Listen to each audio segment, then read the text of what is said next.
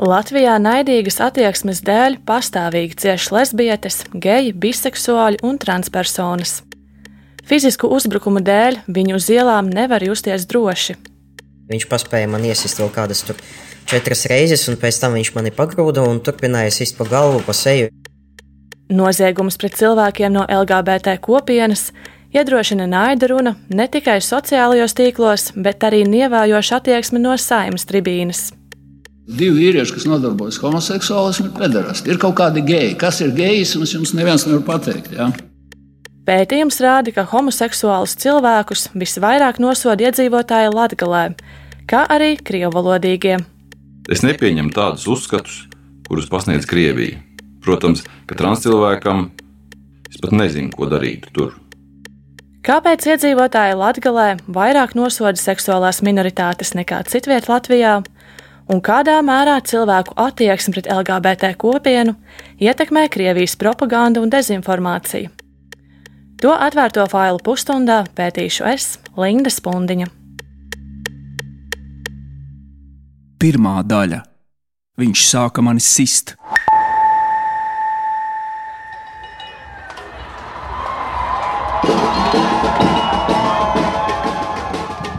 Jūnijas sākumā Rīgā Praida gājienā dodas vairāki tūkstoši cilvēku. Viņi iestājas par LGBT kopienas tiesībām.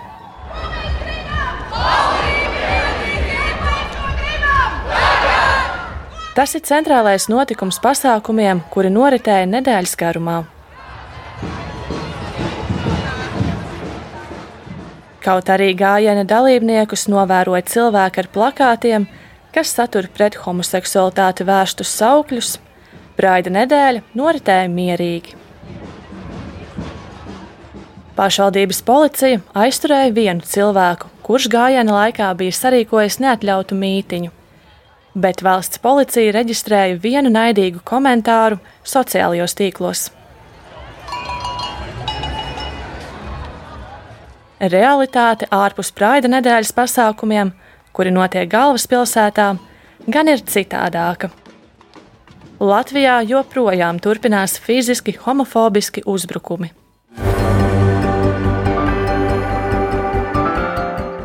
Māja sākumā tāds notika Latvijā. Iespējams, tieši naidā balstīts uzbrukums pagājušajā nedēļā noticis Daugopilī. Kāds vīrietis, uzzinot, ka sarunājas ar vīrieti, kurš ir attiecībās ar citu vīrieti, metās tam virsū un bez žēlastības viņu sita vairākas minūtes. Piekauto vīrieti sauc Līvais Amarēns. Es ar viņu sazinos mēnesi pēc uzbrukuma. Tieši seksuālās orientācijas dēļ nekā tāda īpaši nebija. Pirms es pārvācos no Rīgas vispirms uz Reizekni, pēc tam uz Daugavpili, bet tolaik es vēl nebiju taisījis to pārēju. Ar pārēju viņš domā hormonu terapiju. Līvais ir transpersona. Viņš bija sieviete, un tagad persona apliecinošajos dokumentos ir rakstīts, ka ir vīrietis. Man bija daudz tādu gadījumu, kad es mēģināju vienkārši kaut ko atklāt un cilvēks vienkārši tev blēņas virsū un saka, ka tas nav normāli. Bija no sieviešu puses, bija no vīriešu puses, bija no darba devēja puses. Bet tas pārsvarā beidzās, kad es beidzot 2017. gadā tiku pie hormoniem. Todēļ sāka mainīties līvaja izskats, un viņš kļuva vīrišķīgāks. Viņa uzvedība sakrita ar ārieni. Mēs trietā Es, mans draugs un mans vīrs, mēs aizgājām mežā vienkārši pastaigāt vakarā. Un no apgaismotas tas taciņas nāca vīrietis, un viņš jautā, vai mums nav telefona pazvanīt. Es jums apsolu, ka neko tur nedarīšu ar jūsu telefonu. Viņi garām gājējiem izpalīdzēja un iedeva telefonu. Vīrietis piezvanīja un tad gaidīja, kad viņam atsūtīs īsiņu. Un viņš gaidīja, kamēr viņam nosūta, un viņš pamanīja, ka tur bloķēšanas tajā ekrānā manam draugam ir viņa puiša bilde. Un sākās. Vīrietis krieviski sāka uzdot jautājumus. Puiši arī atklāti pateica, ka ir geji. Pēc brīža atbrauca svešinieka sazvanītais draugs. Viņš mēģināja izprovocēt uz kautiņu, viņš brauca virsū, es viņu turēju ar rokām, Un es sapratu, ka nu, situācija jau ir aizgājusi pārāk tālu, un es vienkārši pateicu draugam, lai viņš sauc policiju. Un šitais te, sadzirdējot, protams, sāka braukt virsū manam draugam, pametot mani, bet es stājos viņam priekšā, un viņš saka, man sist. Uzbrucēja pirmais sitiens Līvaju dezorientēja. Viņš paspēja man iesist vēl kādas tur četras reizes, un pēc tam viņš mani pagrūda un turpināja sist pa galvu, pa seju. Es mēģināju sevi piesakt ar rokām, bet man baigi labi tur nesanāca, protams. Jau pēc pirmajiem sitieniem Līvais jūta, ka vairs nedzird ar vienu ausi. Tad bēlzieni beidzās, un varmākas aizgāja prom. Smadzeņu satricinājums bija, bija pārsis deguns, bija pārsista lūpa baigi, abas divas acis bija visas zilumos, kreisās bija baigā tūska, kad es pat nevarēju viņu attaisīt vaļā. Es vēl tas divas nedēļas nevarēju normāli dzirdēt ar to ausi, pēc tam pārbaudīju dzirdi, bet paldies Dievam, viss kārtībā. To pārsīsto lūpu joprojām tur ir tā rēta iekšpusē, es to jūtu. Kaut arī ārēji līveja rētas ir gandrīz sadzējušas, notikušais atstāja psiholoģisku traumu. Man joprojām ir tie flashbacki, ne tik bieži kā bija iepriekš, bet joprojām ir. Šobrīd Līvais atrodas ārzemēs, jo tur strādā. Vai tu plāno atgriezties Daugaupilī, un vai tev nav bail atgriezties tur? Es nevaru pateikt, ka esmu tik drošs, ka man vispār nav bail. es gribu atgriezties, un es atgriezīšos, un arī, kad uh, būs tā visa lieta tiesā, man vajadzēs atgriezties arī. Bet nakts laikā es droši vien nepastaigāšos vairāk pa Daugopili. Policija uz izsaukumu ieradās īsi pēc tam, kad sitējs un viņa draugs jau bija devušies prom. Pāris dienas vēlāk policija varmāku aizturēja, bet neapcietināja. Viņam piemēroja ar brīvības atņemšanu nesaistītu drošības līdzekli. Izmeklētāji sāka kriminālu procesu par huligānismu, un tā kā uzbrukums notika sociālā naida dēļ, tad tam ir vainu pastiprinoši apstākļi. Tā kā sitienus pa seju saņēma arī līvai vīrs, kurš agrāk arī bija sieviete, tad viņš lietā ir otrs cietušais. Es personīgi es redzu tādu korelāciju, ka tajās pilsētās, kur uh, vairāk cilvēku, kuri runā krievu valodā un uh, kas ir tuvāk pie robežas, tur var būt vairāk tādu, nezinu, padomi laiku uzskatu un arī vairāk homofobijas, un tas arī atkarīgs no tā, kādus mēdījus cilvēks patērē. Tas nav vienīgais gadījums, kad Latvijā uzbruks seksuālo minoritāšu pārstāvjiem. Otrā daļa. Man dažreiz bija kaut kādi zilumi.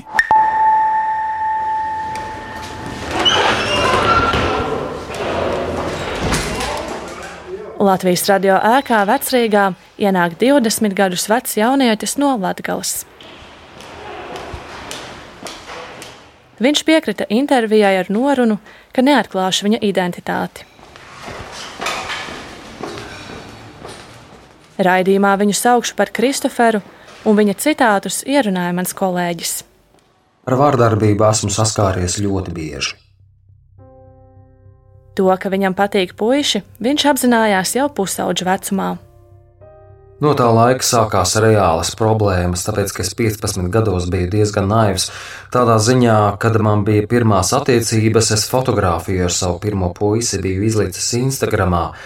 Un tā kā par to uzzināja visu skolu, un tā kā man likās tas pats par sevi saprotams, ka man ir tā kā cilvēks, un es ar viņu satiekos, un kāpēc es nevaru izlikt bildi, bet skolā sākās dažādas sarunas. Skolas biedri viņu apsaukāja, savukārt skolotāju negatīvu attieksmi izrādīja netieši. Saprotams, ka tas mani ļoti stipri aizvainoja.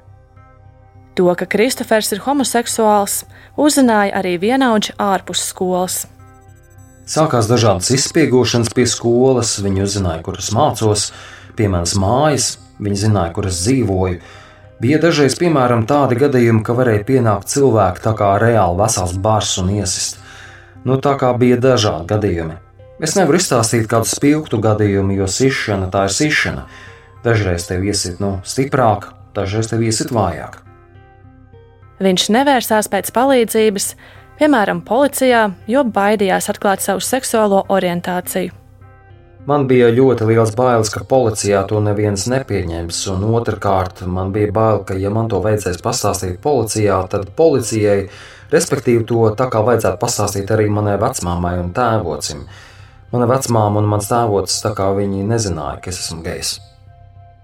Kristoferam bija bail atklāties radiniekiem, jo jau iepriekš piedzīvoja vardarbību ģimenē.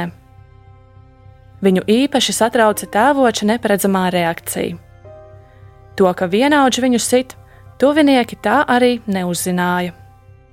Protams, ka man dažreiz bija kaut kādi zilumi, tie bija diezgan redzami, un tā kā mana medmāsa skolā un vecmāma prasīja, no kurienes, es biju pateicis, ka vienkārši esmu nokritis vai kaut kas tāds.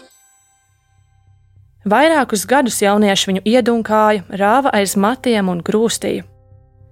Pēc ilgstošiem pazemojumiem un ciešanām viņš saslima ar smagu depresiju. Mana depresija arī bija saistīta ar to, ka es arī nevarēju iziet no skāpja un ka es baidījos.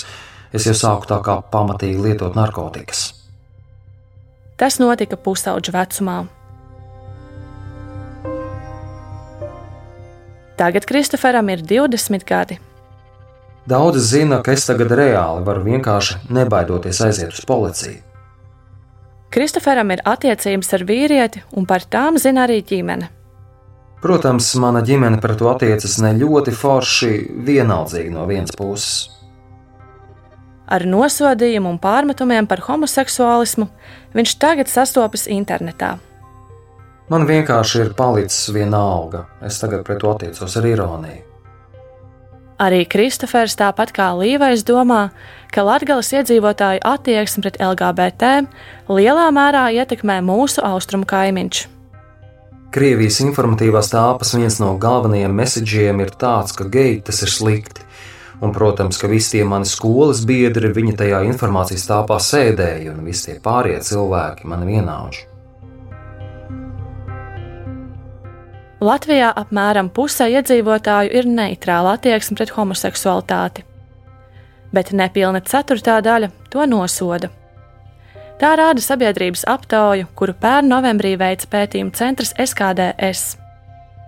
Aptauja parāda arī vēl kaut ko. Ja salīdzina atbildes, tad homoseksuālismu visvairāk nosoda cilvēki Latvijā. Tāpat noraidošāka attieksme ir tajās ģimenēs, kur sarunājas krieviski. Sveicināti! Kas tam varētu būt par iemeslu? To jautāju sociālā antropoloģijai un Latvijas Universitātes asociētajai profesorai Aivitai Putniņai. Ja mēs raugamies uz Latviju, nu, tur ir bijusi atšķirība arī dažādos citos ar seksuālo veselību saistītos jautājumos. Nu, piemēram, abortu līmenis um, tradicionāli ir bijis pat augstāks nekā pārējā Latvijā. Proti, jo mazāk par šiem jautājumiem runā, vairāk noklusē, no, nu, jo augstāka ir šī trauksme. Un homoseksualitāte ir viens no veidiem, kā Latvijā tiek eh, vispār runāts par seksualitāti. Tā attieksme pret homoseksualitāti ir veidojusies tepat Latvijas eh, telpā. Jā, un, eh, un, protams, ka tur tā veidošanās ir paralēla ar Krieviju. Protams, ka tur notiek tā informācijas apmaiņa, bet uh, šī informācija tiek izmantota nu, tās vietējās identitātes veidošanas kontekstā un veidojot vietējo to solidaritāti. Vienkārši tie procesi ir ārkārtīgi līdzīgi, bet tas nenozīmē, ka nu, cilvēki uzreiz teiks, nu, ka mēs to darām tāpēc, ka Krievi arī tā dara. Viņa stāsta, ka Latvijas sabiedrībā vēl joprojām pastāv padomju laikos iesakņojušies stereotipi par vīrieša un sievietes seksualitāti. Savukārt pārmaiņas notiek gana lēni. Jauniešu vidū attieksme mainās, un uh, jaunieši ir tolerantāki, bet tas nenozīmē, ka visa jaunā paudze ir toleranta. Trešā daļa. Viņiem bija vieglāk domāt, ka esmu traks. Latvijā jau trīs gadus dzīvo Krievijas pilsonis Aleksandrs. Es esmu trans cilvēks. Tas nav viņa īstais vārds, jo viņš piekrita runāt tikai ar nosacījumu, ka intervija būs anonīma. Arī viņa citātus ierunāja mans kolēģis. Pēc dokumentiem man ir sieviešu dzimums. Aleksandrs veica hormonu terapiju Latvijā, taču vizuālās pārmaiņas nesakrīt ar viņa personību pasē. Mainīt dokumentus viņš nevar, jo Krievijā tas ir aizliegts. Aleksandrs pārcēlās uz Latviju, jo šeit ir viņa dzīves biedrs. Ja tu nebūtu pārcēlies uz Latviju, vai tu šodien joprojām dzīvotu Krievijā? Protams, ka nē. Man ilgu laiku tur bija diezgan slikti, kā reiz manu radinieku dēļ, tādas attieksmes dēļ, un citu cilvēku dēļ, īpaši tagad, kas notiek Krievijā, un kara dēļ. Es nepieņemu tādus uzskatus, kurus pasniedz Krievija. Protams, ka transcilvēkam Es pat nezinu, ko darītu tur. Viņš stāsta, ka Krievijā transpersonām nav droši.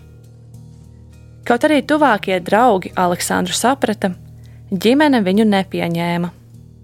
Viņiem bija vieglāk domāt, ka esmu traks un ka tas nav normāli.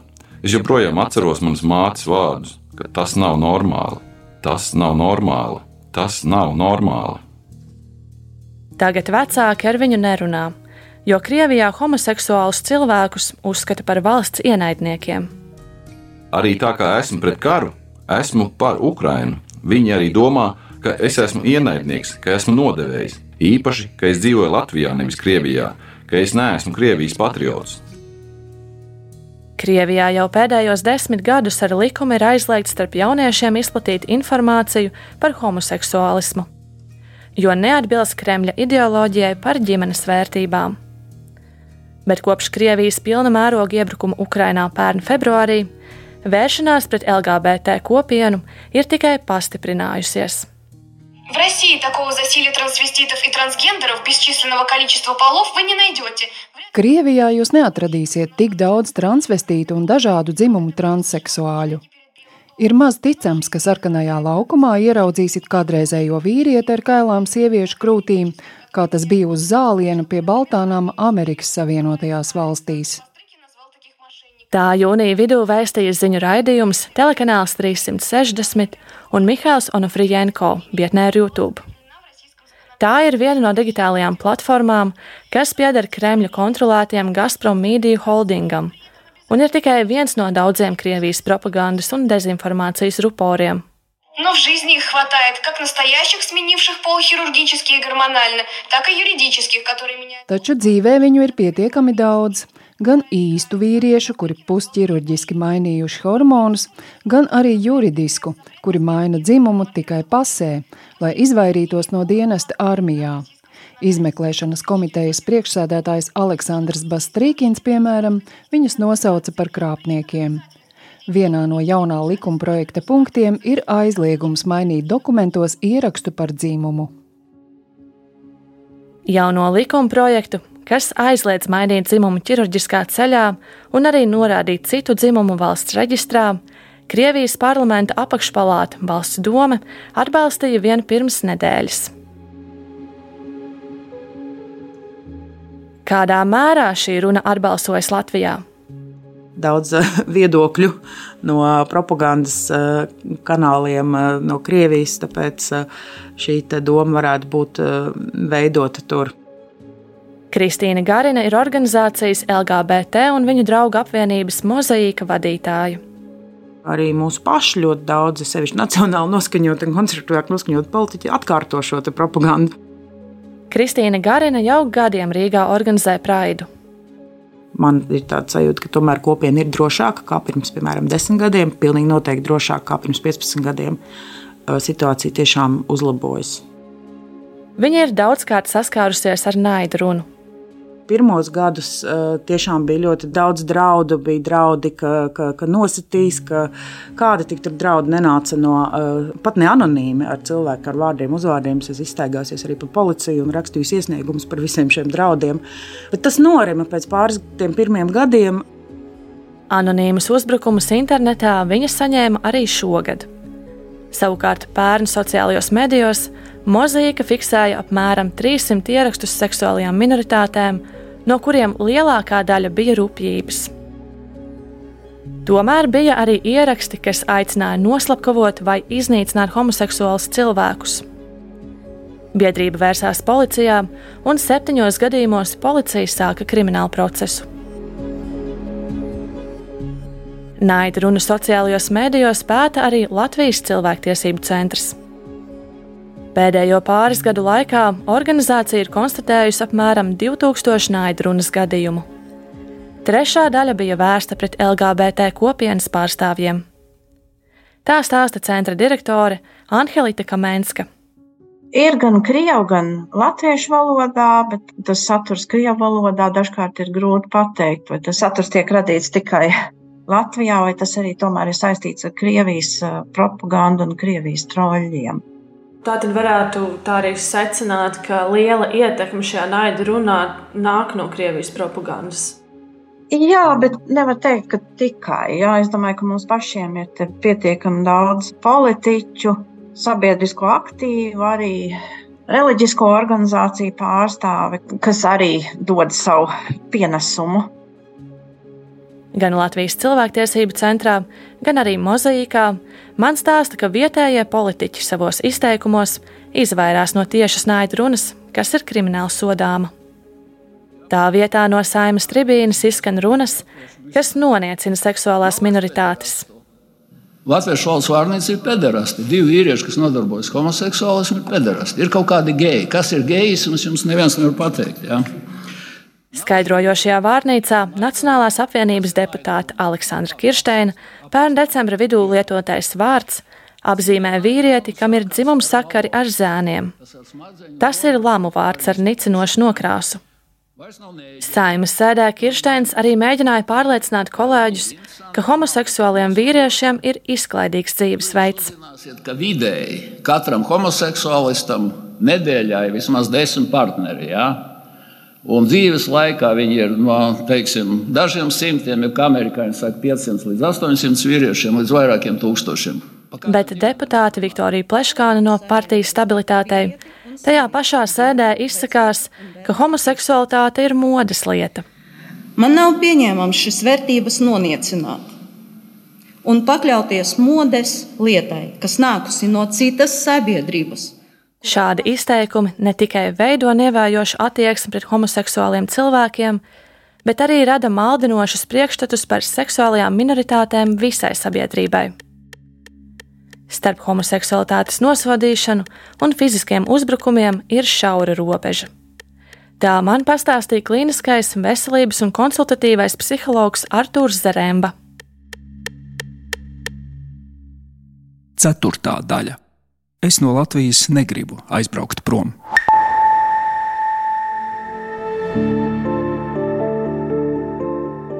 Kā policijai veicas ar sociālā naida uzbrucēju saukšanu pie atbildības?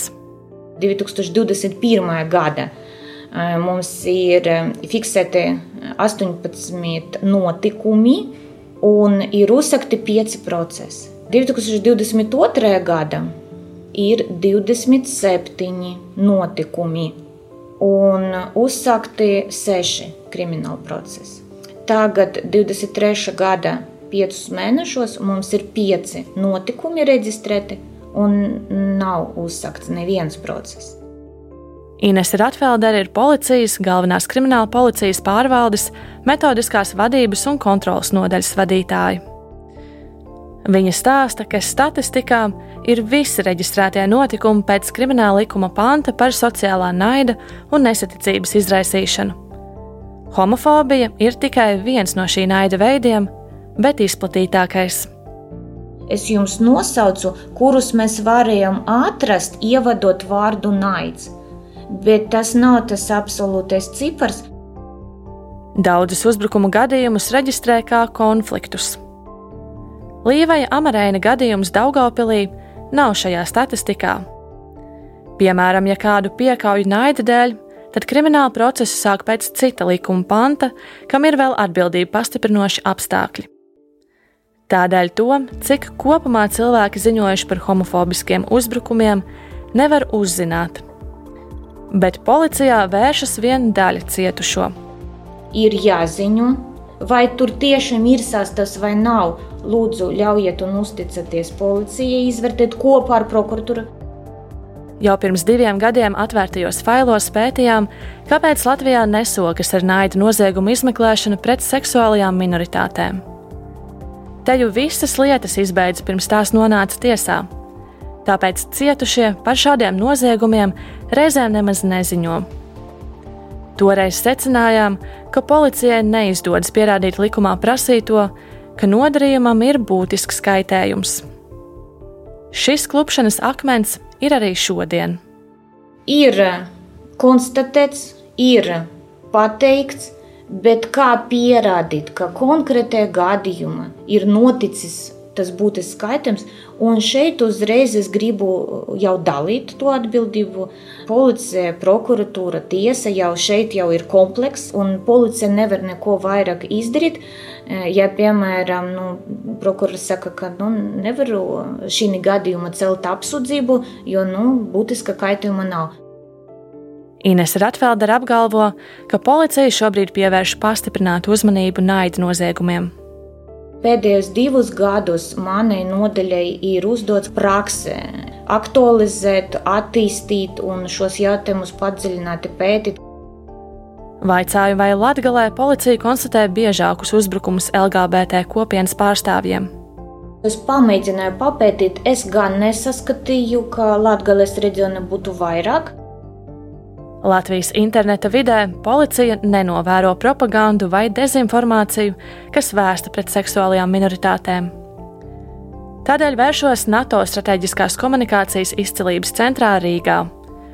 Mani interesē, vai iestāde ir pētījusi, kā Latviju ietekmē Krievijas propaganda par homoseksualitāti. Izcilības centra sabiedrisko attiecību darbiniece Simona Lucatniece man atsūtīja šādu ziņu. NATO Strateģiskās komunikācijas izcilības centrs līdz šim nav veicis pētījumus par Krievijas propagandas ietekmi Latvijā, nosodot un izplatot nepatiesu informāciju par LGBT.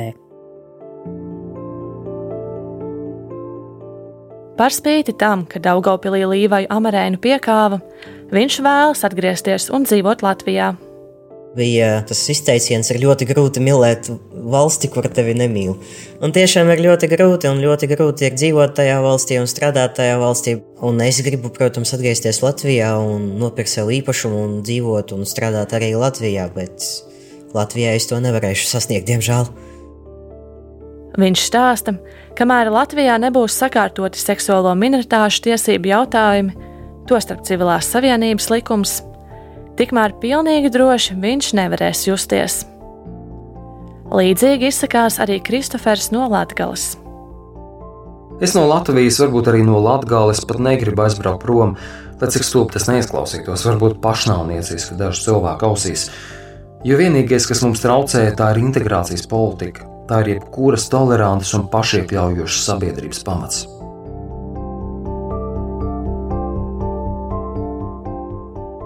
Raidījumu veidoja Linda Spundiņa, Ģedards Čelzis un Reinis Buce.